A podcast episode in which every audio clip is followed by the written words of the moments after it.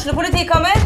Ine Jansen er purk. Er du purk? The motherfucking bitch. Alt jeg vil, er å finne ut hva som skjedde med mannen min. Jon Carew. Er jeg sikta for noe? Iben Akeli. Det er du.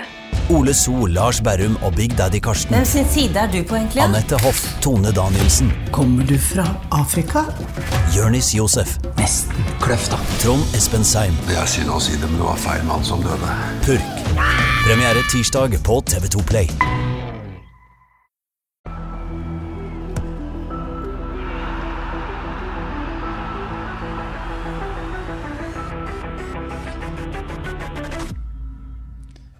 Velkommen til episode 64 av Frelst. Mitt navn er Terje Flateby, og jeg er med meg Johannes Dale Hustebø. Velkommen. Takk. Er, er, vi- er vi live nå? Er, Vi er live. Det, det vi akkurat har opplevd her i Frelststudio, det er at vi har snakka vas i ca. ti minutter. Altfor mye vas. Uh, som jeg har glemt å trykke på opptak på. men glemte du å trykke på opptak, eller trykte du på opptak, innså at det ble så mye vas at du sletta opptak i en fart? Det er nå konspirasjonsteorien. Vi får la det ligge der. Det ble i hvert fall uh, Folket gikk glipp av det. Det tror jeg kanskje folket skal synes var greit. Uh, men det vi har snakka om, det at du har vært på utviklingslag i helga. Det? Ja, vi har faktisk snakka om det så vidt. Og vi så deg på en hest. Uh, vil du forklare?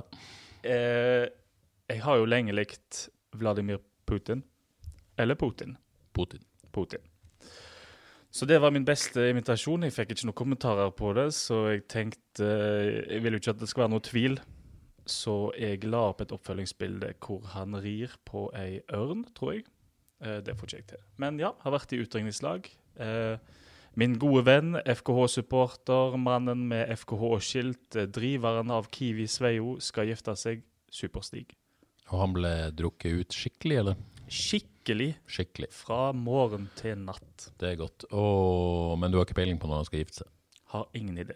Ingen idé. Men eh, det viktigste er utenrikslaget. Det var det. Det er det. Fun Um, fact, vi traff på Jokke Nilsen i Skånevik, som var og spiste middag med familien sin. Ja, så Og han kjekt. hilste, han kom ut og snakket og ga Stig en skikkelig hilsen. Så Joakim Våge Nilsen er en hedersmann. Det er han.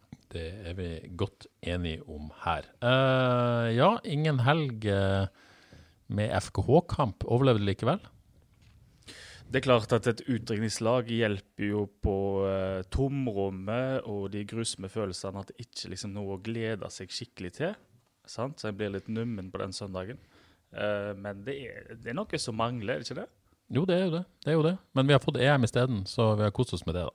Vi har det. Men nå gikk vi glipp av eh, Wales, Danmark og eh, ditt yndlingslag eh, Italia. Ja, det er en skandale. Har du den historien om hvorfor uh, Ja, Den var i ferd med å ta her i sted, som ikke ble opptak, men så kom vi på at den tok jeg sist, så den skal vi la være. Men nå skal jeg komme med noe nytt vas. Oi! Uh, som jeg ikke tok under den vaseopptaket i sted. Det var at Eller det som ikke ble opptak. Jeg husker ikke hva jeg sa i forrige podkast, men jeg var inne på uh, at Niklas Sandberg hadde snakka om man-crush i Spillerådet. Mm. Og da, da, Jeg husker ikke hva jeg sa, men jeg tror jeg tydeligvis har sagt at jeg aldri hadde noe man-crush, eller noe lignende. Har du ikke det? Eh, nei, men hør nå her. Dette, dette fikk jo melding om fra Niklas Sandberg. Han var veldig overraska over at jeg ikke hadde noe man-crush. Eh, og det er jo løgn at jeg aldri hadde. hatt det. Det var veldig rart hvis jeg sa det. Jeg, og jeg husker ikke hva jeg sa, for jeg gidder å gå tilbake til det. Men jeg hadde en man-crush. Da er det dypt crush. Eh, nei, det er ikke så Ja, jo. Men altså, det er helt åpenbart uh, Maurizio Pochettino. Åh, Ja. Det er mitt soleklare man-crush. ja. La det ligge der. Vet du hva? Jeg kan ikke ha Nå er ikke jeg Tottenham-fan, men det må støttes. Det er verdt å ha et man-crush på Pochettino. Så det Ja, der har du meg. Ja, jeg ser det. Har du, har du noe du sjøl? Å, jeg har faktisk så mange. Ja. Um, Jeg har sikkert flere òg, men det er på en måte top of my head. ja, det var det. Um, Niklas vil egentlig ha topp tre, men eh, det får bli en annen gang. Skal jeg se, jeg kan klare topp tre? Ja, kjør på. Eh, OK, skal vi se. Jeg går for um, Thomas Sørum. Ja. Jeg går for eh, James Gandolfini. Tony Soprano, Den, ok, den så jeg ikke kom. Som man-crush. Men greit. faktisk. La oss ikke gå inn i dypere inn i Vi det. kan. Nei takk. Og ja, Da blir det en skuespiller igjen. Er det OK, det? Absolutt. Burde kanskje hatt en fotballspiller. Det er jo, men Ja, det er greit. foreløpig så går jeg da for eh, Jack Nicholson. Syns òg det er en merkelig mancrush. Men greit, eh, jeg skal ikke gå dypere inn i det. Altså, Til Sandberg sitt forsvar, da. Ikke forsvar, for han er ikke angrepet på noe som helst vis her mye vas. Beklager, det, jeg tror det er varmen eller et eller annet. Men han hadde jo på en måte begrensa dette mancrush-greia med lagkamerater. Ja. Nåværende eller tidligere. Så det var jo hans begrensninger. Og sånne begrensninger satte jo ikke vi her. Nei, for vi har jo aldri spilt med noen kjente, har vi det? Eh, Oi. Nei. Jeg har spilt mot noen kjente. Får vi navn? Uh, Arild Berg. Oi, oi, oi. Ja. Ut, men han ble ikke man-crush? Uh, Arild Berg er på ingen måte Nei, det vil jeg ikke si. Men hva er kriteriene da for dine man-crush? Eh, nei, uh, nei hva, hva er kriteriene for man crush? Det er vanskelig. Nei, det, det, nei, det kan vi ikke gå inn i. Det har vi ikke tid til. Det er for mye bas. Men det, det er jo en slags mannlig forelskelse, da, på et vis. Jeg òg tenker det, men Ja. er det, må, må personen ha utseendemessig? For det trenger det ikke. Nei, nei, ikke nødvendigvis. Det må være en aura, en personlighet, Ja. en uh, For min del, en som gir litt F i livet og koser seg og er der i nuet. Eh, Gas, Gascoigne. Gascoigne, ja. Gascoigne. ja. Cantona. Cantona. Nei, det er sånne. sånne. Uh, vi kan jo si at eh, Niklas sin, sin deltakelse i Spillerrådet, som for øvrig anbefales, eh, han hadde da sin nye lagkamerat Sondre Liseth på tredjeplass. Så hadde han to tidligere lagkamerater fra Ullkisa på topp tre. Eller på én og to. Så der har du Niklas Sandberg. Jeg har litt man-crush på Niklas Sandberg. Har du? Ja, litt. Ja. Og på Sondre Liseth? Eller du begynner å bli for gammel for disse gutta, ikke? Ja, men da det hva kriterier til grunn her. Men Niklas Sandberg er jo eh, Han kan veldig mye fotball. Ja, kan. Veldig, veldig mye fotball. Veldig interessert òg. Ja. Ja. Kan mye, interessert mye, ser mye. Ja. Klarer å snakke fotball. Og det er vi jo. Og la oss gå over til å snakke om fotball, for det var en nydelig overgang til å bli ferdig med VAS. Vi skal snakke om FKH mot Brann. For øvrig, hvis du vil ha mer VAS, så må dere bare gi beskjed. Vi er gode på VAS, men vi er kanskje aller best på fotball. Usikker. Usikker. Vi går over til å snakke om FK Brann. Eh, det føles jo ut som en stund siden, men eh, det er mandag, og dette var på torsdag. 1-0 mot Brann. Avgjørende skåring av Ibrahima Ibrahim Awaji ca. kvarteret før slutt. Det var eh, Du er jo tross alt FKH-supporter, i motsetning til meg, Johannes. Eh, Hvor deilig var det å slå Brann? Fantastisk. Det var jo en eh, forglemmelig kamp, altså spillemessig. Første omgang Første omgang var altså så dårlig at jeg har knapt sett maken. Um, men eh, jeg skrev for så vidt en liten blogg om det. Var, det var et eller annet som oppsto, i andre omgang. Det var som om spillerne innså dette er ikke dagen. Vi kommer ikke til å få spillet til å sitte helt her.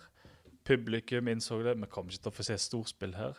La oss se om vi kan gnure fram, hvis det er et ord, en seier. Og så klarte vi det. Og da oppstår det en slags øyeblikk mellom supportere og spillere, hevder jeg. At OK, vi klarte det sammen. Vi, vi tok kampen. Og det å vinne på dårlige dager eh, Jostein Grüner var inne på det etterpå. Liksom, han har følelsen av at det, de liksom De gjør aldri det. De må Nei. på en måte alltid ha en god dag for å vinne, på et vis. Og, og nå vant de endelig på en god dag. Det var dårlig dag. Det, det må jo være en, en viktig terskel å komme over, det òg. Ja, for jeg føler òg at det, det er lenge siden. Jeg føler liksom til nå i sesongen har vært OK, det er mer, men jeg har gått glipp av noen poeng. Kunne ha gutsa hardt mot Sarpsborg der når de stjal kampen etter 60 minutter.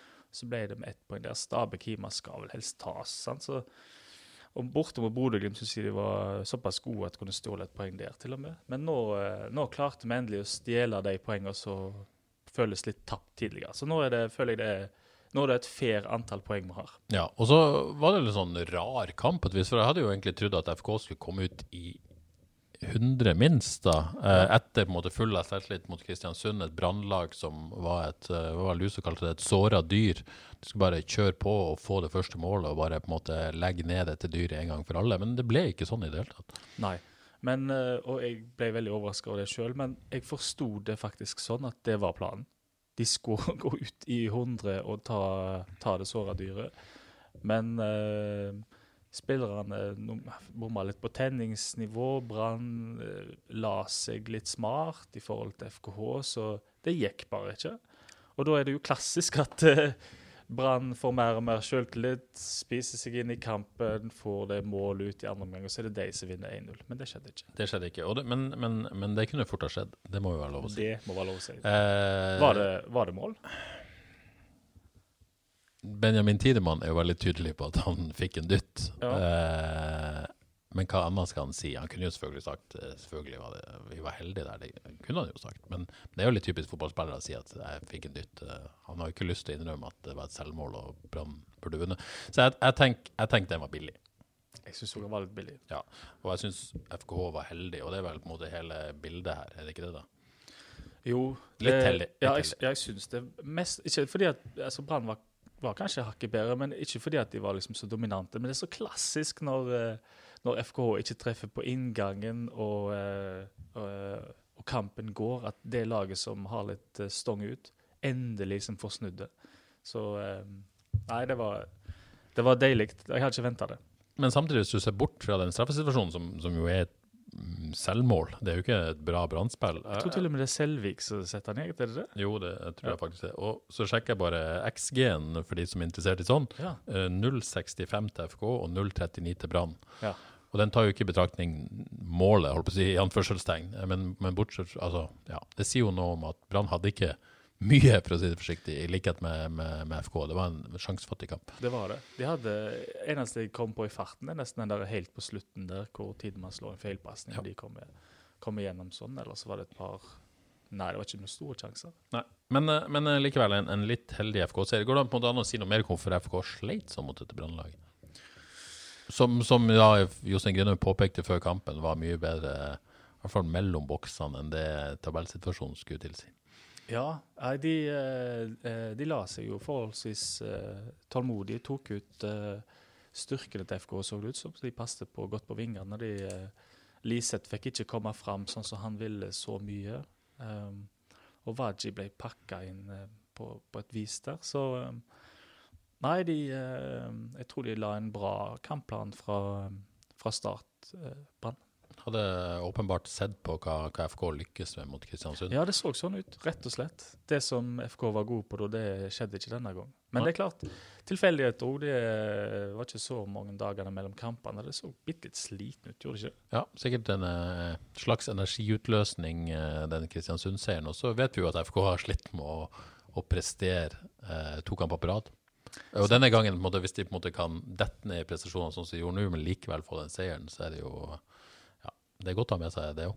Ja, det syns jeg eh, det er deilig. Da, da vet en at eh, OK, vi har ikke dagen i dag, men vi kan eh, kjempe oss til en seier. Eh, litt i, For å snakke om laguttaket, da. Uh, det var vel egentlig bare to posisjoner det var usikkerhet rundt, vil jeg si. Tore Pedersen versus Stølås på venstreback. Tore Pedersen var tilbake, uh, men måtte jo da forlate banen i, i andre omgang.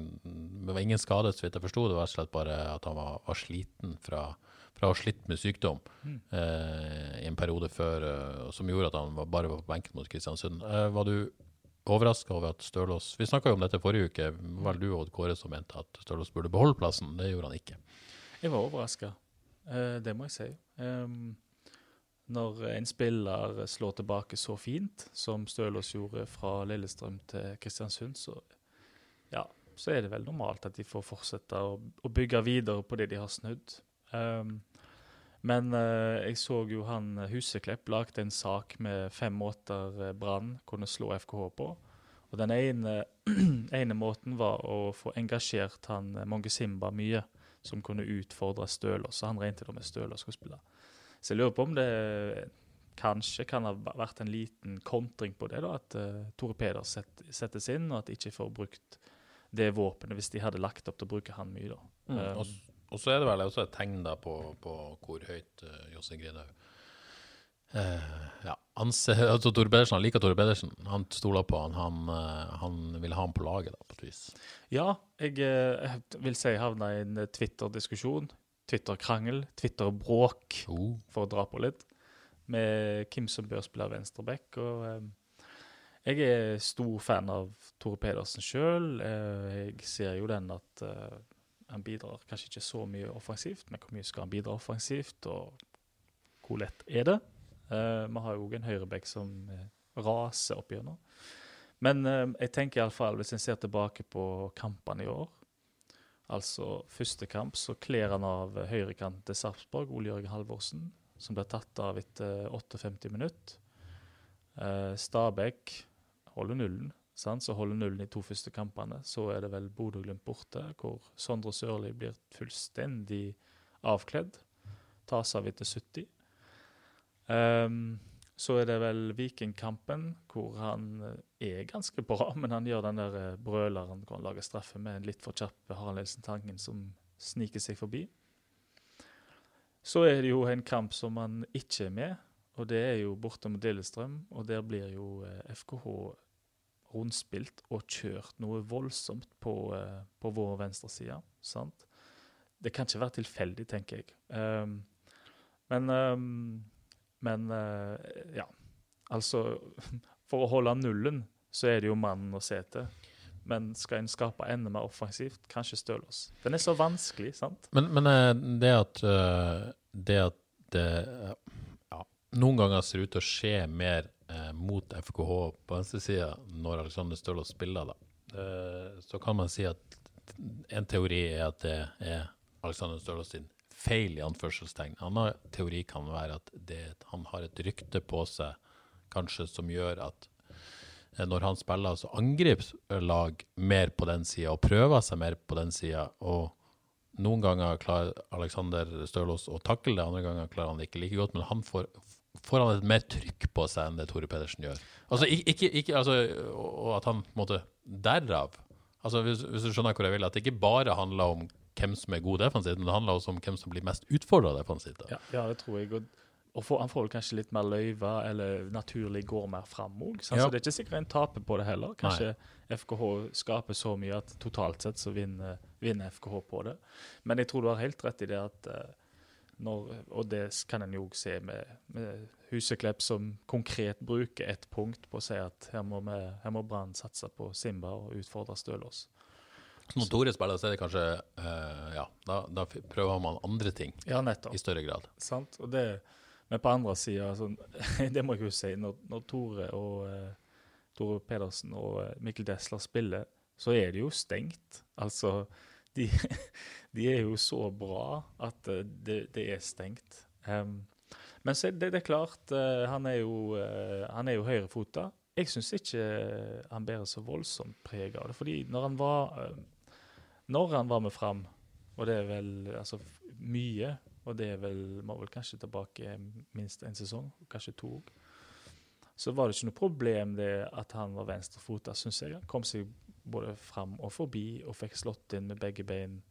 Og ja, Om du får slått en innsvinger med høyre, så er jo det helt fint. Men om det er framtida, det spørs vel. Fordi som vi har snakka en del om òg, så forsvinner vel Mikkel Desler.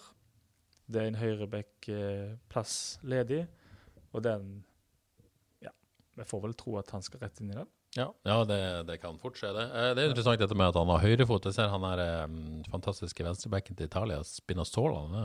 Ja. Uh, han er jo høyrefota, faktisk. Mm. Nå har han sikkert en ganske habil venstrefot òg, men, men, likevel. Høyrefota som spiller venstreback. Uh, det er mulig. Bergdølmo. Bergdølmo, ikke minst. To fota. Ja, to fota. Så, ja. så det, det, er ikke noen ulempe. Men det er et eller annet med, med når Mikkel Desler er såpass dominant på den sida og går så mye og så høyt i banen ofte, så må mm. du på en måte, skal jo ikke den motsatte bekken nødvendigvis gå så mye. Nei, det er det jeg synes. Eh, sånn at det er klart at det blir veldig på en måte Ja, at du får en venstreback som balanserer i større grad enn det Ja.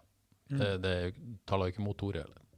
Nei, det gjør ikke det. Og det, Jeg vet jo ikke hva som blir sagt, jeg, men uh, det ser jo ut som de legger opp til da, at uh, han skal få være dominant, Mikkel Desler på høyrebekken. Ja. Uh, det er den uh, venstrebekken, så skal vi komme tilbake hva som skjer mot Rosenborg på onsdag. det andre spørsmålet var jo midtopperplassen, vel. mye rotasjon, snakk om det. Snakka med de på forhånd mellom, mellom Palle og Ulrik Fredriksen. begge sier jo at de, de har vel fått beskjed om at det er kampbildet som avgjør, men, eh, men eh, de aldri egentlig vet helt hvem som skal spille, før de får laget. Uh, denne gangen fikk Ulrik Fredriksen ny tillit, og det jeg egentlig Det trodde jeg egentlig, basert på Kristiansund-kampen, og det ble også sånn. Ja, han gjorde det, men hvis, en skal skal være litt streng og ta Brannkampen nå, så så syns jeg ikke at verken Fredriksen eller Tidemann forsvarte å spille. Han spiller jo helt sikkert kaptein. de var vel faktisk blant de svakeste? Det syns jeg. Det var utrolig mye feil, og spesielt uh, fra de to i første omgang. Um, Så, og den kampen, hvis det var noe som trengte utpå der, så er det jo en, eh, en sånn uh, brøl fra Palle og litt sånn der Litt for show, selvfølgelig, men litt måten han er på. Jeg tror det han hadde kledd den kampen veldig godt. Jeg. Så følte litt med pallet i den kampen. Må si det. Mm.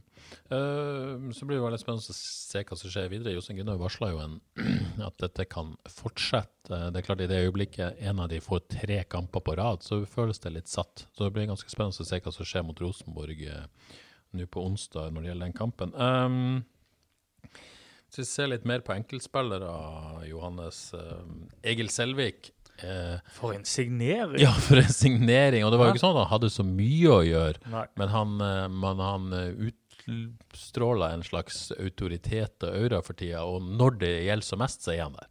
Selv, altså, selv om han var litt klønete i selvmålet, da, skal si, som han var involvert i det, men, men det ble jo ikke mål, tross alt. Han har liksom sluppet unna to sånne litt brølere, den mot Viking òg.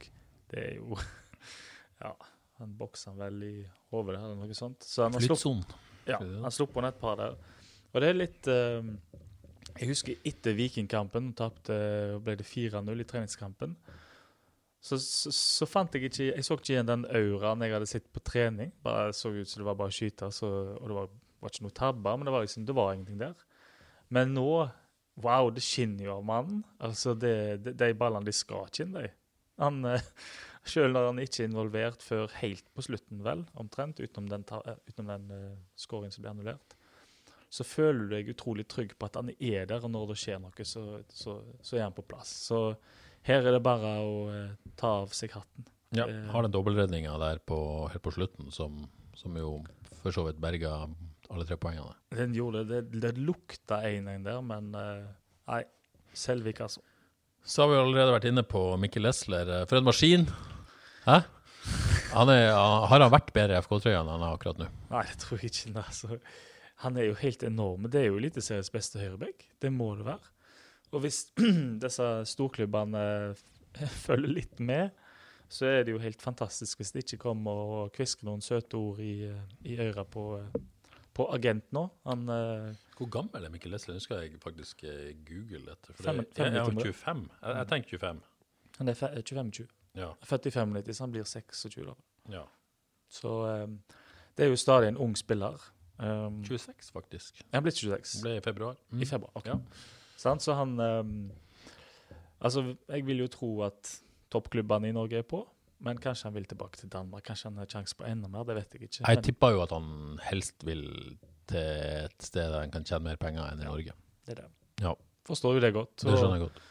Vel unt og uh, fantastisk hvordan han leverer i trøya uansett uh, situasjon og hva han tenker på, og hvor han vil. Så det, altså det, det er jo ikke snakk om at han ikke gir nok for drakten. Mannen lå jo med kramper eh, sist. Han gir så mye Han gir jo alt for laget, så Ja, han gir det for laget, men han gir det sannsynligvis også eh, og, og all ære til han, for han gir det også for seg sjøl, selvfølgelig. Han sparer Ja, for da. framtida si, Ja. helt åpenbart, eh, og, og gjør vel eh, ja, gjør vel det han kan for å overbevise potensielle arbeidsgivere for at her er det noe å hente. Det ville jo nesten overraske meg litt om ikke noen allerede prøver å kjøpe han ut i sommer, faktisk. Med den formen han er i nå. Ja, meg òg. Men jeg tenker da, sant, når du, når du kjenner på kramp, og det er fort gjort å påla seg en strekk, så er det bare han bytter posisjon med Mats Sande og går opp i midtbanen og gjør så godt han kan for det. Sant? Så det, det tror jeg ikke er en mann som kun tenkte på Helt åpenbart Sant. ikke. Det var ikke det jeg prøvde Nei, nei, å insinuere. Det er viktig å påpeke. Ja. Uh, men han, han, han spiller selvfølgelig også for sin egen eh, Ja. framtid i tillegg. Uh, vi har vært inne på midtstopperparet som var, var slurvete, vil jeg si. Egentlig Ja. Benjamin Tidemann nesten var heldig ved to anledninger der han mista faktisk Ja. ballen. Litt overraskende eh, sløvt fra kapteinen. Hvis jeg skal være Jeg syns ikke, eh, ikke han har vært uh, kanskje så god som en tenker at han har vært i år. Jeg syns det har vært litt slurvig, og at han er mm, Ja. Jeg, det er en ting som slår meg, at eh, Han er jo egentlig i samme situasjon som Mikkel Desle, da. egentlig. Ja, han er det. Men det, det er akkurat som han eh, han, lik, han trives som kaptein og trives og dirigerer og alt det der. Men det slår meg at kanskje det er bak fasaden her så må det jo massevis av konsentrasjon til for å treffe med pasninger og den slags. Eh, Jeg syns det er mm, litt av og på for han, så han syns jeg må løfte seg, eh, rett og slett. Det, det svinger en del. Men vi har jo høye forventninger til Benjamin Tidemann. Eh, så på Lista ligger jo veldig høyt. Han har satt den for seg sjøl. Det har kanskje litt påvirkning, det òg. Vi forventer så mye av han da, på et vis. Absolutt. Men jeg tenker Det er jo denne framtida og sånt. Er det umulig å spille med Fredriksen og Palle? Er det helt umulig? Det hadde vært eh, veldig gøy å se på et tidspunkt. Eh, Jeg skjønner at de ikke gjør det nå, men, men Ja for så vidt. Med cupen kommer snart, og kanskje de får eh, prøvd seg sammen da. Ja. Det syns jeg. Midtbanen, uh, Terkelsen litt anonym, eller skal vi si noe mer om det? Ja, ja jeg syns han var anonym. Ikke så mye å si. tenker jeg. Han, eh, altså, han jobber jo godt. Det er FK-spiller blitt, men Ja. uh, ikke hans beste kamp. Krygård, uh, hvis jeg skal si noe om han, så syns han var ekstremt ujevn. Uh, jeg syns faktisk han hadde Ikke faktisk, det var litt sånn Men han hadde noen veldig gode øyeblikk òg. En del veldig bra pasninger framover i banen. Han var på en måte på rett sted defensivt en hel del ganger og liksom var på.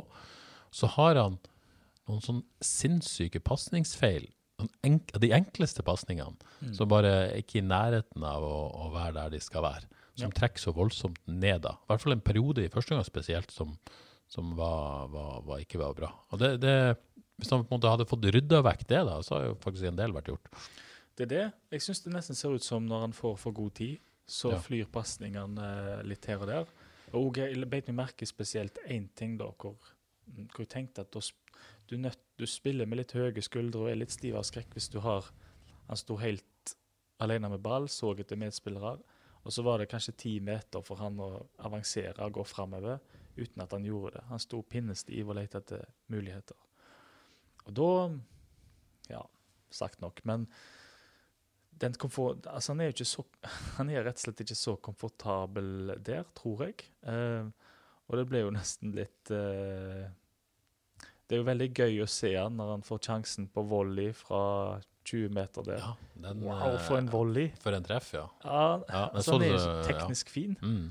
Han er så bra når han får komme fram, så ja, nei, jeg gleder meg og håper Mr. Naustdal, eh, som leverer på Twitter Det skal vi komme tilbake til. Det skal vi komme tilbake til. Håper han kommer inn og frigjør Krüger til å kose seg med noen fine skudd fremover. Ja. Uh, Liseth uh, Ja, Bra igjen. Ikke så bra. Nei, ikke så bra, men, Men- eh, tross en av de be beste på FK. Ja, og vanvittig bra sånn tenningsnivå og engasjement i kampen. Ja. Ja.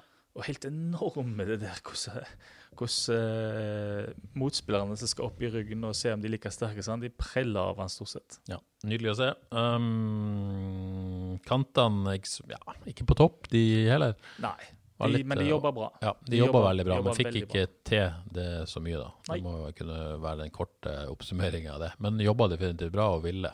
Ville det. hele tida. Uh, Waji uh, syns jeg jobba uh, bra, han òg. Hadde marginer mot seg i 75 minutter, men ville hele veien, han òg. Og så løsna det plutselig. Ja, han, uh, jeg liker Servaji. Jeg, Ja. jeg syns han er fin nå. Uh, Jækla sunt. Hvordan gikk det egentlig med den eh, skaden? Ja, altså dette har jeg jo prøvd å sjekke ut, men det får de egentlig ikke vite. De får vite litt mer i dag, mandag. Eh, da får man vite en slags prognose, men de vet ikke endelig, sånn som jeg skjønte. Så vi får vite litt mer i dag. Men Rosenborg-kampen ryker, Mm. eh, og så får man vite da på et eller annet tidspunkt om det er to uker, eller fire uker, eller seks uker, eller hvis det er på en måte Ja, det kommer helt an på strekken, rett og slett. Nå- grad det er i hamstringen der. Ja, Håper virkelig at jeg snakker om et par uker nå, for nå har han endelig ser ut til å være snuse på den flytsonen. Ja, for det, dette var jo sånn Grine inne på. Han mente at Wadji var der nå at der han var før holdt på å si, dopingdommen uh, i, i uh, sommeren for to år siden, er det faktisk. Oi. Er det ikke det? Er Jo, det må det være. Ja.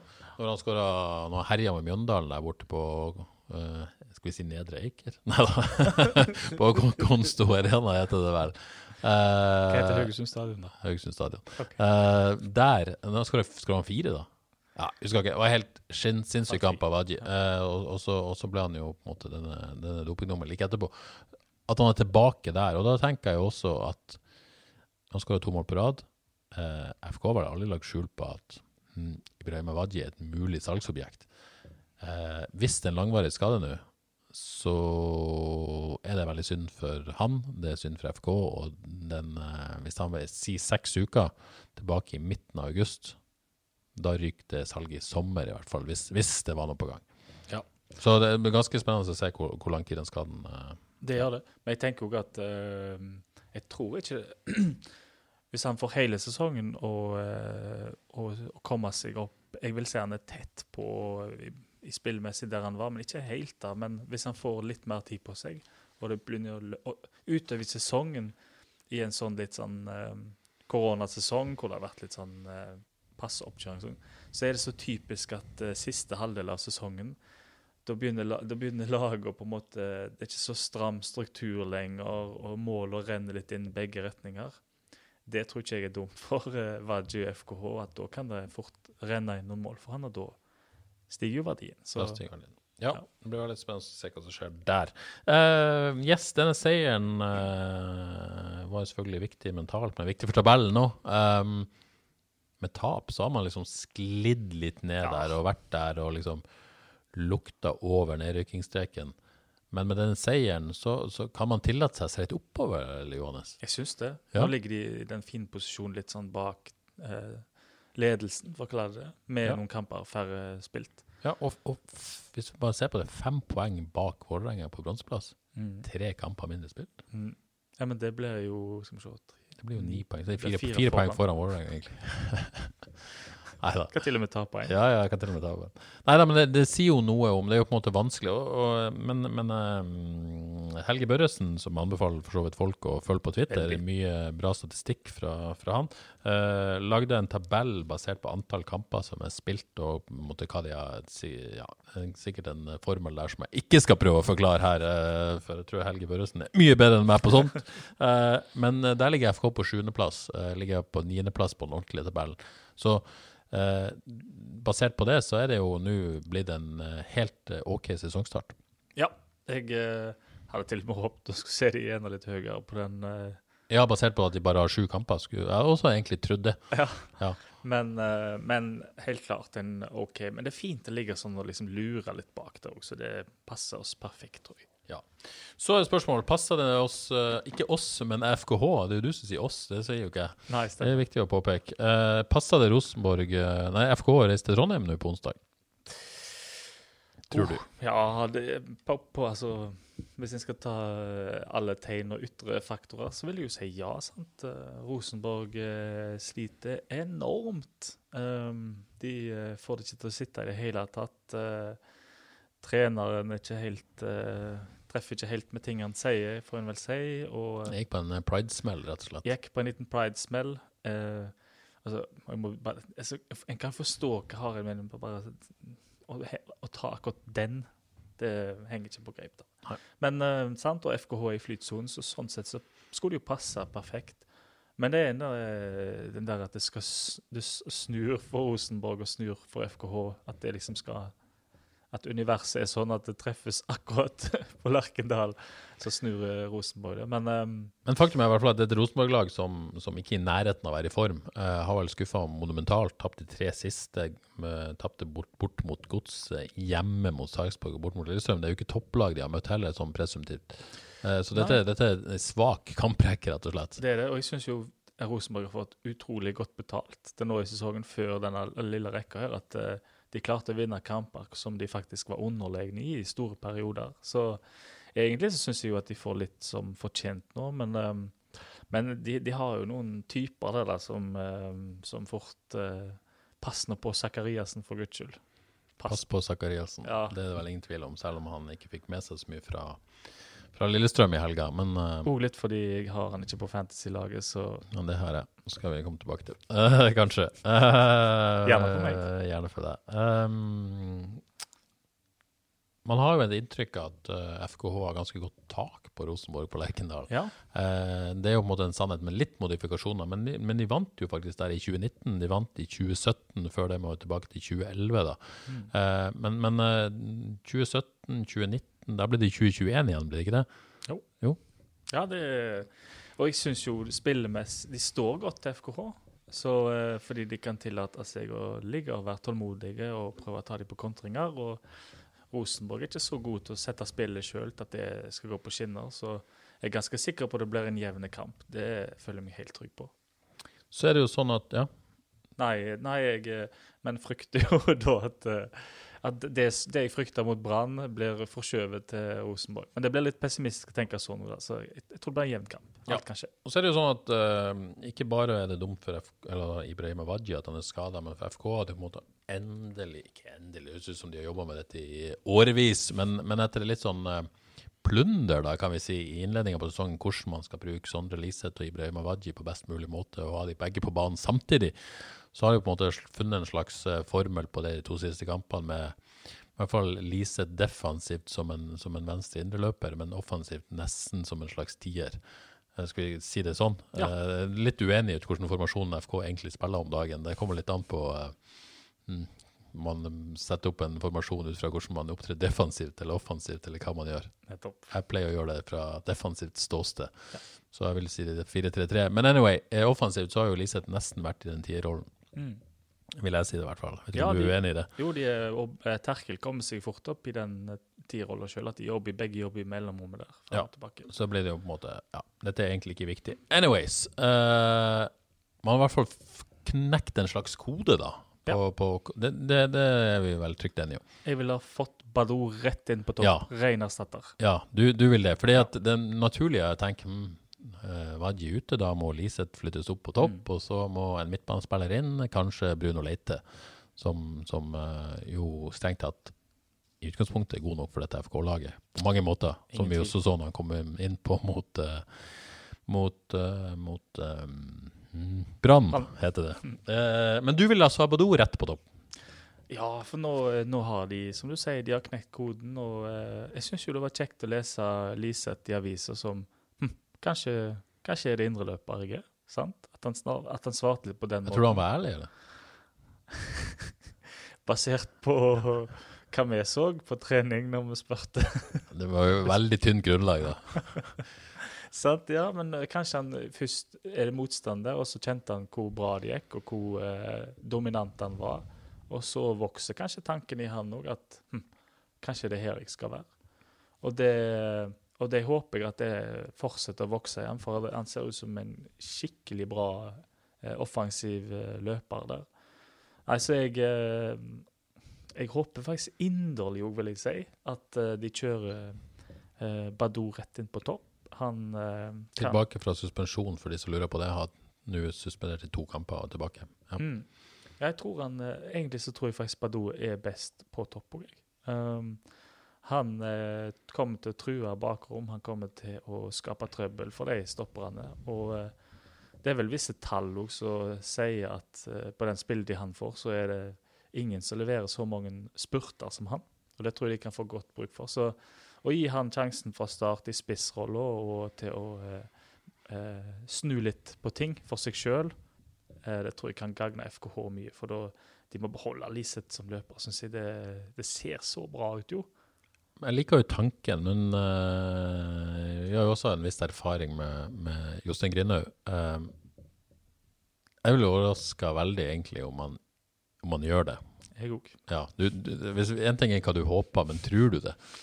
Prøver å påvirke. Du prøver å påvirke. Hør, hør. Ja, Ja. nei, jeg, eh, jeg tror vel sikkert at uh, Liseth spiller spiss, ja. Vi får jo ta en kikk på treningene, og at uh, Leite går inn da og erstatter uh, Liseth. For det er på en måte den mest sånn opplagte løsninga, den tryggeste løsninga på mange måter. Ja. jeg tror, jeg tror det skjer. Men samtidig så, så må det jo på en måte Såpass forskjellige spisstyper som Wadji og Liseth også er, mm. så, så må du på en måte Det er jo ikke sånn at det er rocket science nødvendigvis, men du må spille på en litt annen måte, da. Når man endelig på en måte har funnet Ja. kanskje en vei, da. Det er det, eh, og det syns jeg er så synd, fordi uh, Liseth er så smart i den rollen at han finner ut av både å sørge for at de er solide defensivt, og han er så relasjonell at han eh, sørger for at det er kontakt mellom midtbane og angrep. Så, eh, og det tror jeg jo eh, Hva jeg håper og tror spiller ingen rolle, men jeg vil jo tro at både Johs og Bull ser den, at, at han, han holder angrep og midtbanen sammen, og det er lettere å bygge opp. Og det er jo utrolig fint der borte mot eh, Rosenborg, som må ta mål av seg og stå forholdsvis høyt med laget og komme fram nå og prøve å angripe. Det må de jo gjøre, sånn som det går. De kan ikke ligge bakpå. Da er det bakrom, og har en lynhurtig Badou som driver og truer det, så blir det jo trøbbel. Det blir litt spennende å se hva Jostein Grindhaug Vel, det er jo selvfølgelig også andre alternativer hvis man å se på det. det, det Tore Pedersen er jo mulig å flytte opp i midtbaneleddet hvis man skulle ha behov for det. Ja, Eh, jeg, jeg tror heller ikke det skjer. Jeg tipper også han spiller venstreback hvis, hvis han er si, restituert og i form. Uh, og så har du jo også Mats Sande, som vel har vært den første midtbanespilleren som har kommet inn i det siste, og Kristoffer Gunnarsjø bak der, så det er mulig å, å dytte inn indreløperroller. Men alt tyder vel på at Bruno Leite er først i den køen der. Jeg er helt sikker på at det er kun to alternativ. Ja, altså Tor Pedersen spiller, og så er det enten Leite eller Badoskin. Eh, uavhengig av det valget, da, har du tro på at FK kan, kan reise hjem fra Lerkendal med noe? Ja, det tror jeg, fordi uh, Rosenborg må vise Det holder nesten ikke for dem liksom, å, å knipe resultat. De blir nødt til, å vise fram noe spill, for det har vært elendig i det siste. Så, og det, da kan FK straffe. De må være litt kyniske og ligge bak og ja, spille litt enkelt. Kanskje litt eh, god gammeldags pace på FKH-ball. Det tror ikke jeg er feil nå. Det er nok ikke feil. Det blir litt spennende å se det. Onsdag klokka 18 er vel det. Det blir, eh, blir spennende. å uh, få litt pause fra EM og så litt Ja, fy faen. Eh, Jeg kan ta et lyttespørsmål nå. Eh, eh, Vi har vel nesten dekket det, men, men eh, både Steinar eh, og Reidun på Twitter lurer på om, eh, om Krygård og Tore Pedersen spiller i feil posisjon. Eh, Krygård trenger vi vel egentlig ikke gå inn på. Det er helt opplagt at, at du mener at han burde ha en mer offensiv midtbanerolle enn det han har i dag. Eh, Men Tore Pedersen er også altså, blir han blir kanskje FKs høyreback neste år. Det er vel kanskje, Da kan han like godt trene seg på venstrebacken. Hvis det går an å se, se så enkelt på det. Ja, men jeg syns det, jeg. Uh, og jeg vet jo at uh, både deg og andre uh, FKH-supportere uh, syns jo ikke at han hører hjemme der. Så, men der um, der er jeg nok rett og slett uenig med dem. at eh, det er ingenting altså Tore Pedersen kunne vært, kan være venstreback karrieren ut, sånn som jeg ser det. Fordi um, jeg tror òg at vi La oss si da at eh, Olaug sitt Niklas Sandberg var venstrekant. Sant? Som, eh, som er en litt annen type. Ikke har eh, altså Kristoffer Welde har enorm X-faktor. Det er ingen som tar ham på det med å motta ball, rykke inn, skyte, hva han gjør. Men du vet jo ikke helt når du får ballen fra han. sant? Det er litt vanskelig å spille venstreback bak han, selv om han også jobber godt. Kristoffer Welde skal ikke rakke ned på han. Um, men jeg tror, en, do- jeg tror en hadde fått sett en eh, Tore Pedersen som, eh, som ble med fram, som fikk ball, og som fikk motivasjon av å få ball, og dermed ble med fram flere ganger. Og hvis en så at Desler hvilte litt mer i sin posisjon, så tror jeg ikke det er, jeg tror ikke det er evnene det står på der, rett og slett. Så jeg mener venstre back, høyre back, løper, alle tre posisjoner Tore Pedersen eh, kan kalle som sin posisjon. Det som hadde vært interessant å se, er jo eh, hvordan han hadde håndtert å vært anker i en uh, trier på midten. Det er jo veldig uh, Jeg vet faktisk ikke helt om han passer det. Har vært løst. Nei, Det virker i hvert fall ikke som om uh, trenerteamet ønsker han der. Nei, det hadde vært jeg, ganske mange muligheter til å prøve han der. ja, jeg, jeg kan se, se det litt òg. Jeg tror han blir løp, altså han blir litt vill, rett og slett. Ja. Jeg, Men jeg tror nok han ser for seg at drømmeposisjonen er i hvert fall sentralt på midten. Kanskje Ja indre, løperrolle, vil jeg tro. Da. Det tror jeg. Ja. det tror jeg. Uh, Så blir det spennende å se. Det, det, det kommer jo Han er jo en spiller som du kan på en måte ha som en brikke, alt etter hva du lykkes med på overgangsmarkedet. Det er jo litt synd om at man blir sånn, men får de inn en annen høyreback, så kan de bruke han på midten. Får de inn sånn og sånn. Ja. Er men Kjempespiller. Det er bare det, bare det å gå to divisjoner opp og håndtere alle disse posisjonene.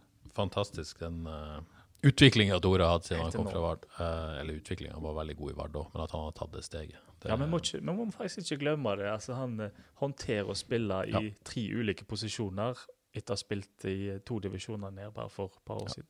Nydelig, nydelig mann. Um, ingen man-crush, men en nydelig mann. Ah, Faktisk litt på grensa her til Nei, man-crush. var absolutt ikke. Ja, men jeg har. No offense, Tore. Du har, ja. Ja, en liten man-crush. Tar det meste, du. Bli? og James Gandolfini. Ja, det, det er gøy. Uh, men en som uh, kanskje nærmer seg inn der, Torje Naustdal. Uh, vi snakker litt overganger. Jeg ble klar for FKH i mm, forrige uke, rett og slett. Går i surf med her. Signerte fra Strømmen etter at, eh, etter at litt skriverier i dagene før, så, eh, så ble det bekrefta på, eh, på dagen før, uh, før brannmatchen. En spiller du kjenner godt, Johannes, eh, har scouta han og til og med levert en scoutingrapport på han til FKH. Eh, er du fornøyd med at FKH henta han? Veldig, veldig, veldig fornøyd. Snakk, vi snakket jo med han på eh, kamp mot Ja. uh, Brann, til og med. Og eh, vi ser han jo på eh, Twitter levere som bare juling etter det. Leverer strålende utenfor banen så langt. i hvert fall. Ah, det er den der veldig sjølsikker. Altså, Jeg gikk bort og bare hilste på. Han satt sammen med, med sin agent slash rådgiver Bent Raknes på, på tribunen på stadion. Bare oste selvtillit Mm. på et vis. Trygghet på seg sjøl. Litt cocky, men ikke sånn. Ufin eh, altså, en sånn viss cockiness eh, er jeg veldig glad i. Ja. Eh, var bare trygg på seg sjøl, og, og ikke sånn beskjeden ung spiller. Han var bare 20 år, men var veldig sånn trygg og svarte godt og snakka godt for seg. Det var ikke en intervjusituasjon, bare hilste på, men tydelig at han var på en måte trygg, da. Mm. Og gleda seg og var, var trygg på egne ferdigheter. Da. Ja, det tror jeg han er. Han eh, fikk spurt han litt om hvordan han så seg, om han så, hvordan han så seg selv dette laget. Og det har jeg forsøkt å eh, se på sjøl òg, da. eh, via uh, speiderverktøy. Men det er noe med eh, den der uh, sjøltilliten han har den, den har. den er lett å se ut på banen òg har vært, fordi eh, når eget lag har ball, forsvaret har ball, så er, er han der.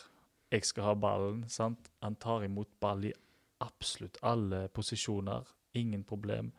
Eh, kommer seg stort sett ut av de. Er Ikke, så, ikke noe rask, men han er så han har Ballen er klistra til beina, så han kommer en, en, nesten litt lisetaktig. Han bare kommer seg ut av situasjoner. Og så strør han jo langpasninger eh, lett som bare det, til begge sider. Varierer eh, pasningsspillet veldig. Um, uredd. Ikke eh, sant, som sier, han er, er vel 21, men ikke redd for å ta plass i det hele tatt. Ikke redd for å gi beskjed, tror jeg. Um, så så han virker ydmyk i forhold til eh, tempoet, fordi det vet han jo ikke så mye om. Um, der tenker jeg jo at eh, Krüger har et eller annet å, å, eh, som han kan lære han òg, for han er veldig flink til å eh, komme opp i situasjoner med noen kvikke steg og sånn. Det kan godt være at Naustdal har litt å lære av det uten ball. Sant? Um, så tror jeg jo, hvis Krüger da skal være aktuell i ankerrolla som Og det skal han sikkert være. sant? Så kan han se på hvor tror jeg, hva som kreves altså sånn i forhold til Du må være, du må være synlig hele tida. Du er liksom uh, Du skal ha ball. Kan ikke gjemme deg i den rollen. Nei, en, en, en, må, en kan, må ikke lure på om Anker eh, vil ha ball eller ikke. Det må en være 100 sikker på. Og det er den følelsen jeg får med Naustdal, at jeg vet at han er der. Og det er så viktig for et lag, tror jeg. Men så er det jo dette spørsmålet, han har ikke spilt i Eliteserien før. Det er jo på en måte Selv om man har voldsom tru og tru på det, så er det jo alltid et lite usikkerhetsmoment der hvordan man takler den overgangen. Eh, både Eirik Oppdal og Jostein Grindhaug sier at han skal på en måte få tid til å akklimatisere seg. Eh, og de kan jo ikke si noe annet, selvfølgelig, med en ung spiller de henta fra, fra Obos. Men tror du de har et håp om at han kan gå inn i august allerede og, og, og prestere Eliteserien? Fra Liksom, og, og det sa vel Opedal Oppedal òg, hvis han flyter, så flyter han.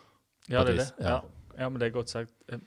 Jeg spurte eh, han eh, Torje Naustdal sjøl om det, og han sier ja, det visste han jo ikke. Det kunne jo være han måtte bruke litt tid. Så ser du At han egentlig ikke mente Han bare sier det fordi det er det rette å si.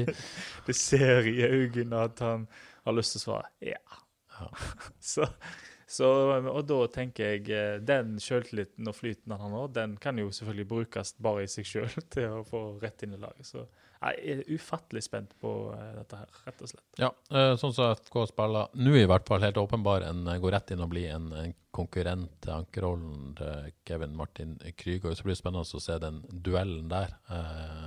Må jo på en måte gjøre en jobb for å ta Krygård fra Krüger-plassen, og kommer jo selvfølgelig an på hvordan Kevin responderer nå den, den neste måneden da, eh, på, på det. Uh, men dette kan jo også frigjøre da potensielt Kevin Krygård til, til en, en, mer offensiv, eh, kanskje indreløperrolle, eh, der det helt klart ja, Du har Liseth der og Terkelsen, men det er jo ikke sånn at i hvert fall ikke Terkelsen har vært Han har vært god, men det er jo ikke sånn at han er helt umulig å få ut av laget. Nei, jeg tenker at uh, duellen står der, og jeg håper duellen står der. Um, og eh, hvis vi skal være litt strengere, det må en jo være så Visst, så var jo overgangen klar før Brannkampen. Um, og jeg syns jo eller Jeg er enig med deg at det var veldig ujevnt fra Krygos side. De enkle tingene på en måte gikk ikke så bra, men, de, men han var bra på de mer uh, avanserte. Han pressa, kanskje ikke trenger å tenke så mye. Um, så foreløpig så um, så vil jeg ikke si han har tatt opp hansken helt, da. Um, men så får vi se, da uh, nå. Nå får han jo en kjempetest på uh, Lerkendal, om han er klar for å ta opp uh, hansken. Ja. Så er det jo sånn at uh, FKH sier klart at de er på, i markedet for en midtbanespiller til. Um, sier jo ikke så mye annet enn at de skal ha en solid midtbanespiller. Det, jeg vil jo tippe at de i denne ser etter en litt mer rutinert profil, skal jeg tippe. Dette vet jeg ingenting om, bare for å understreke det. Men med Bruno Leite, som nå er bekrefta ut, Ryktet om kypriotisk fotball, er ikke bekrefta. Um, Bruno forsvinner i hvert fall. Uh, så, så, skal man på en måte ha inn en T i tillegg til Naustdal. Tror du en solid midtbanespiller betyr uh, Hva betyr det? Betyr det en, en sekser til som skal konkurrere med Naustdal og Krüger om den rollen? Betyr det en, en indreløper med, med målfarlig indreløper? Eller hva, hva betyr det, tror du? Mm, jeg tror at uh, Jeg lagde ei uh, fem midtbanespillere å se på uh, ja. for avisa. Der Torje Naustdal var, selvfølgelig. Der var han med, og det var en annen òg som het Bjarke Jacobsen. som de bekrefter at de har kikka på òg. han stakk til tysk tredjedivisjon. Ja, så det. Jeg var litt overraska over det. Men, ja. men altså dette jo, har jeg konkludert Erik Opedal med det navnet tidligere. Da sa han vel ganske tydelig at FK ikke kunne konkurrere med lønnsbetingelsene, i hvert fall som han hadde, forsto jeg, muligheten til å få da. Mm. Uh, jeg vil jo tippe at lønnsnivået i tysk tredjevisjon sikkert er høyere enn Eliteserien. Hvis man måtte stussa på det, da. Ja, Hvis men, man bare ser på det. Men jeg vet ikke hvorfor uh, Jeg tror de har prøvd seg på han. Ja. Um, og hvis en skal se på hva roller han eh, kan bekle, så er han jo faktisk god i tre posisjoner. Anker, utvilsomt. Svære danske løpskapasitet. Kan enkelt spille løper. Og en tredje ting, han kan spille stopper. Jeg tenker jo at hvis de finner Og det er jo en del av den eh, i den kategorien som kan spille både stopper og anker. Um, så jeg tror jo at det er en sånn type de ser etter. Det er et ganske sånn smalt marked å se det spiller en type som skal spille stopper og anker? Eller? Jo, jo men det, um, den klassiske den klassiske ankeret Altså Naustdal er jo uh, ikke sånn klassisk i form av at det er et sånn svært beist som uh, river og sliter. Men FK har jo vært gode til å finne spillere som kan gjøre jobben i flere posisjoner. Så um, og med tanke på Jeg tror de har vist skulle ikke forundre meg til og med har prøvd seg med en kontrakt til han Bjarke Jacobsen, som kan ta kan, ta, kan spille i to posisjoner. Så tenker jeg jo da at når han da er gått, så eh, Ja, det blir bare spekulasjon. Men det kan godt være Jeg ser for meg at det hadde vært en drømmesituasjon hvis de kan finne en som kan bekle to posisjoner. For stopperplassen, der er det jo eh, Altså om et halvt år så er jo for to ute. Ja, det er for så vidt neste på, på, punktet mitt her. Altså, eh, Hva som skjer ellers i dette overgangsvinduet, som åpner vel eh, 1.8 omtrent og stenger slutten av august, det er vel eh, OK, de skal ha en midtbanespiller, men, men, hva som skjer ellers, tipper jeg jo handler litt om hva som eventuelt forsvinner ut.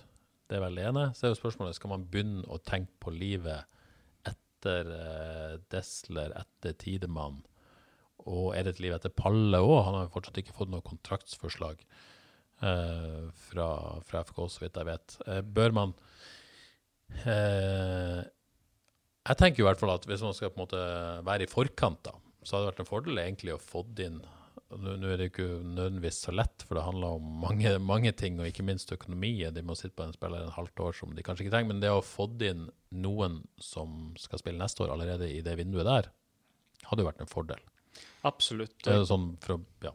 Og det, det med La oss si at de jeg nok tenker i hvert fall først og fremst Tidemann skal erstattes, og hans spillertype skal erstattes. Og da er det jo en stopper som eh, er glad i Altså liker å ha ball mye. Um, teknisk bra. Jeg ser for meg at det er noe sånn de ser etter. Um, og det må de jo nesten begynne å se på nå, fordi de De har helst ikke begynt å se på det. Spørsmålet om de på en måte har råd til å hente inn, da, og det passer, det får det til.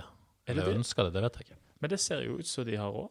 Ja. Um, og det er vel på grunn av eh, noen uh, nye likvide midler som er på veien Ja, straks. altså Hvis du snakker om stallmillionene, så vet jeg ikke om de eh, regner med de enda. Og de skal vel i hvert fall ikke gå til spillekjøp i utgangspunktet. Men, eh, men jo da. Ja. Det blir en bedre likviditetssituasjon hvis det går igjennom i september. Det er jo bra klubbdrift der å få noen nå som får tid på seg til å bygge seg opp til en ny sesong og være med i gruppe og få litt minutter her og der. Men det er jo en kostnad, helt åpenbart. Absolutt. Men Ja. det, det er jo en større kostnad kan være å få de inn etter sesongen, og så må de prestere fra start omtrent, fordi det kan bli dyrt. Ja, for problemet også, FK er jo en situasjon der de sjelden, eller ikke sjelden, men av og til så er det ikke så lett å få tak i spillere i januar. De må ofte vente februar, mars, når på en måte en del andre vinduer er stengt, og det er liksom sånn, sånn det, det som er igjen i anførselstegn da. Ja. Eh, og da blir det veldig tett opp mot sesongen. Um, Men på den andre side, det var akkurat det som skjedde med Tidemann og Desler. Eh, Ja. Og de kom jo inn veldig seint før sesongen, og da har jo vært kjempesuksess. Så det betyr jo ikke at det ikke, ikke funker. Nei, men det er på en måte blir litt min lille bekymring da, at, eh, at en, hvis en lener seg på det, fordi det tror jeg var sånn der én av eh, 40 tilfeller hvor begge bare pang satt omtrent fra start. Fra start.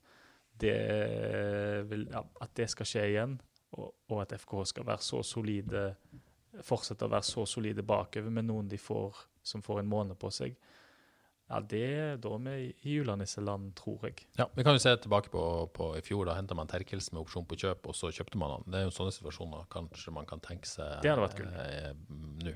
At man på en måte kan, har en halv sesong med å se det an. Den er fin. Ja, det kan uh, Kanskje det. Skal vi anbefale det? Ja, den litt. vi anbefaler det. Vi anbefaler det. OK, nå har vi pludra her snart en uh, times tid, Johannes. Uh, på tide å være litt useriøs. Um, jeg har fått noen lyttespørsmål til. Først må jeg alltid si uh, veldig glad i dere lyttere. Uh, En peis på. ja, jeg har vært veldig glad hvis dere kommer flere lytterspørsmål. Vi er jo egentlig veldig, veldig, veldig, veldig glad i lytterspørsmål. Um, så neste gang, uh, hvis alle der ute har et lytterspørsmål til, så blir det altfor mange. Men hvis en del av dere har det, så er vi veldig glad å få det. Ikke sant, Johannes? Sant? Og vi, vi kan enkelt lese opp eh, navn, fullt navn. Ja, ja, ja. Gjerne med litt rykte for den saks skyld, for liksom, så sørger en for å få, få litt uh, få litt oppmerksomhet. Ja. Uh, og her kommer det et lytterspørsmål uh, fra Steinar på Twitter. Jeg tror han kaller seg B. Garba. Uh, vet Jeg kan, hvem det er. jeg kan by på ryktet her, jeg. Ja. Det er da en eh, som gikk samtidig med meg på Skeisvang, Steinar Lie.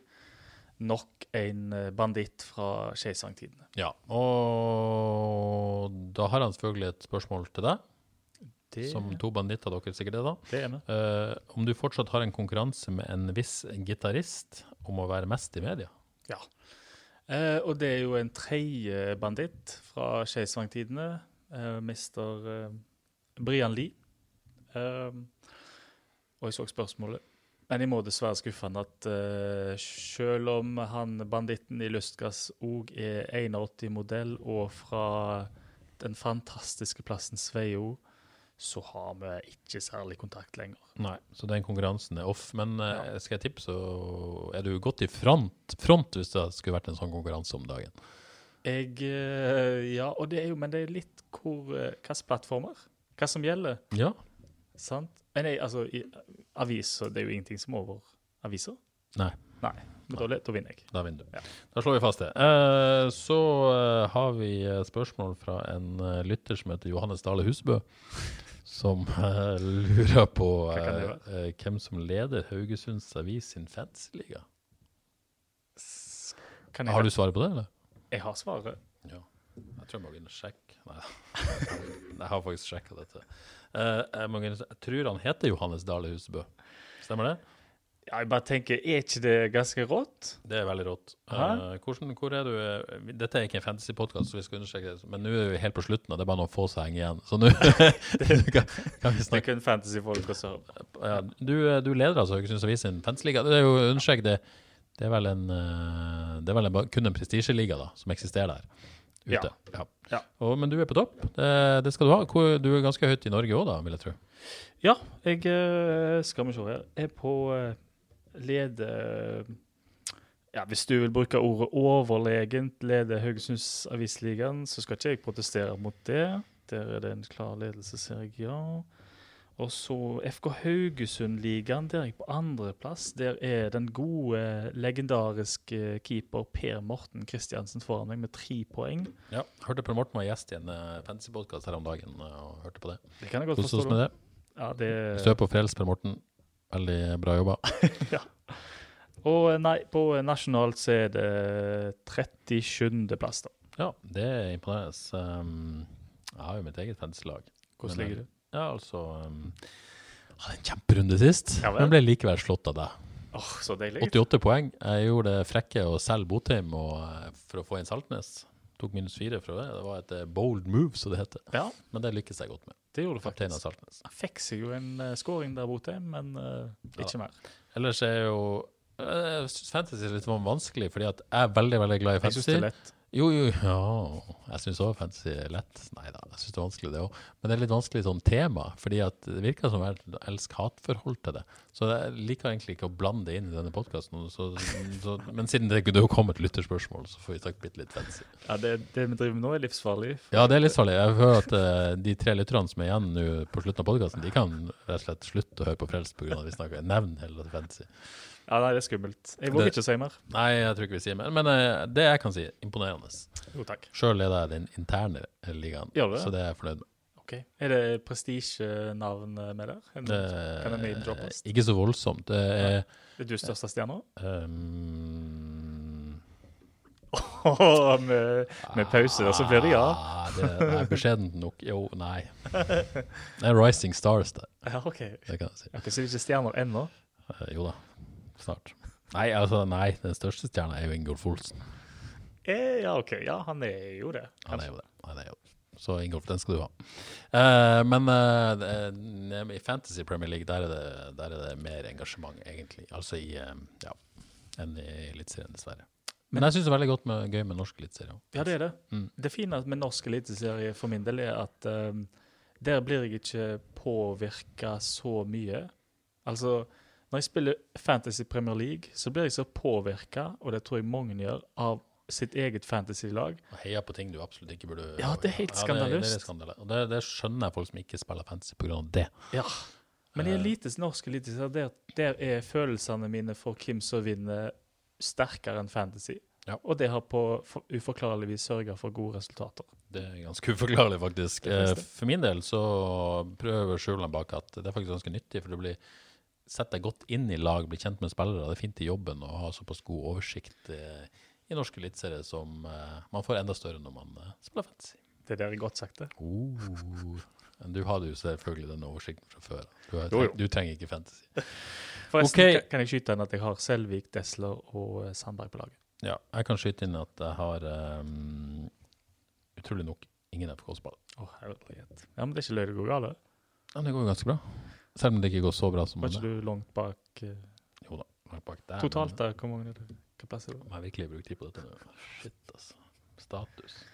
Og vi snakker for oss sjøl nå, tror jeg. Jeg tror nesten bare snakker om det sjøl nå. Dette, dette er ikke bra. Det er like før jeg bare avslutter.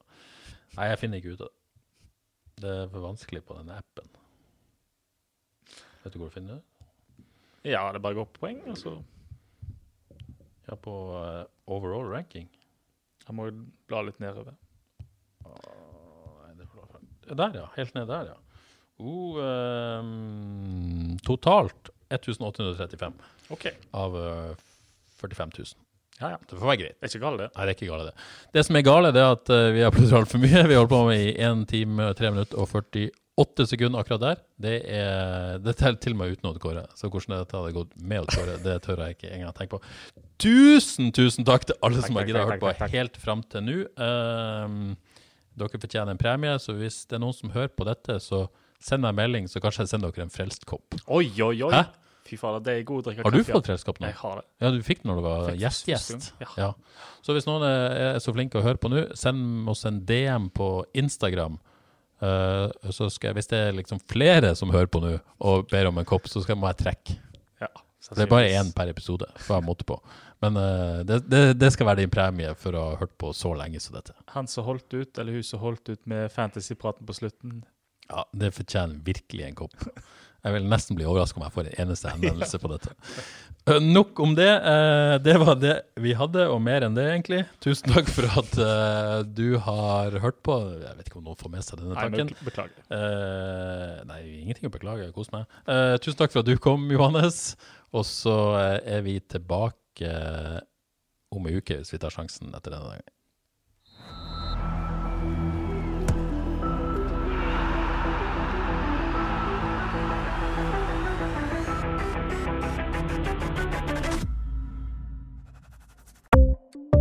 Ukens annonsør er HelloFresh. HelloFresh er verdens ledende matkasseleverandør og kan være redningen i en travel hverdag. Mange av oss har nok vandret i butikken både sultne og uten en plan for middagen, som ender med at vi går for de samme kjedelige rettene gang på gang. Middag burde være dagens høydepunkt. Som HelloFresh kan du nå velge mellom 25 ulike retter hver eneste uke, eller få HelloFresh til å sette sammen menyen for deg. Dette gir deg muligheten til å prøve nye og spennende retter alene eller sammen med familien.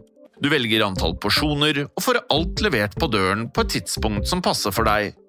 Oppskriftene er enkle, og maten er lett å lage både for store og for små.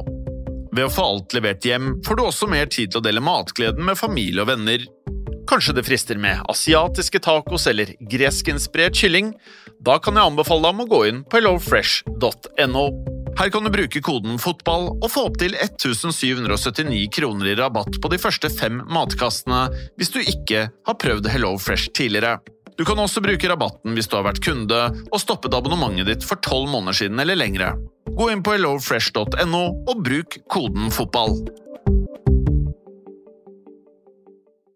Har du et enkeltpersonforetak eller en liten bedrift? Da er du sikkert lei av å høre meg snakke om hvor enkelt det er med kvitteringer og bilag i fiken, så vi eh, gir oss her, vi. Fordi vi liker enkelt. Fiken superenkelt regnskap.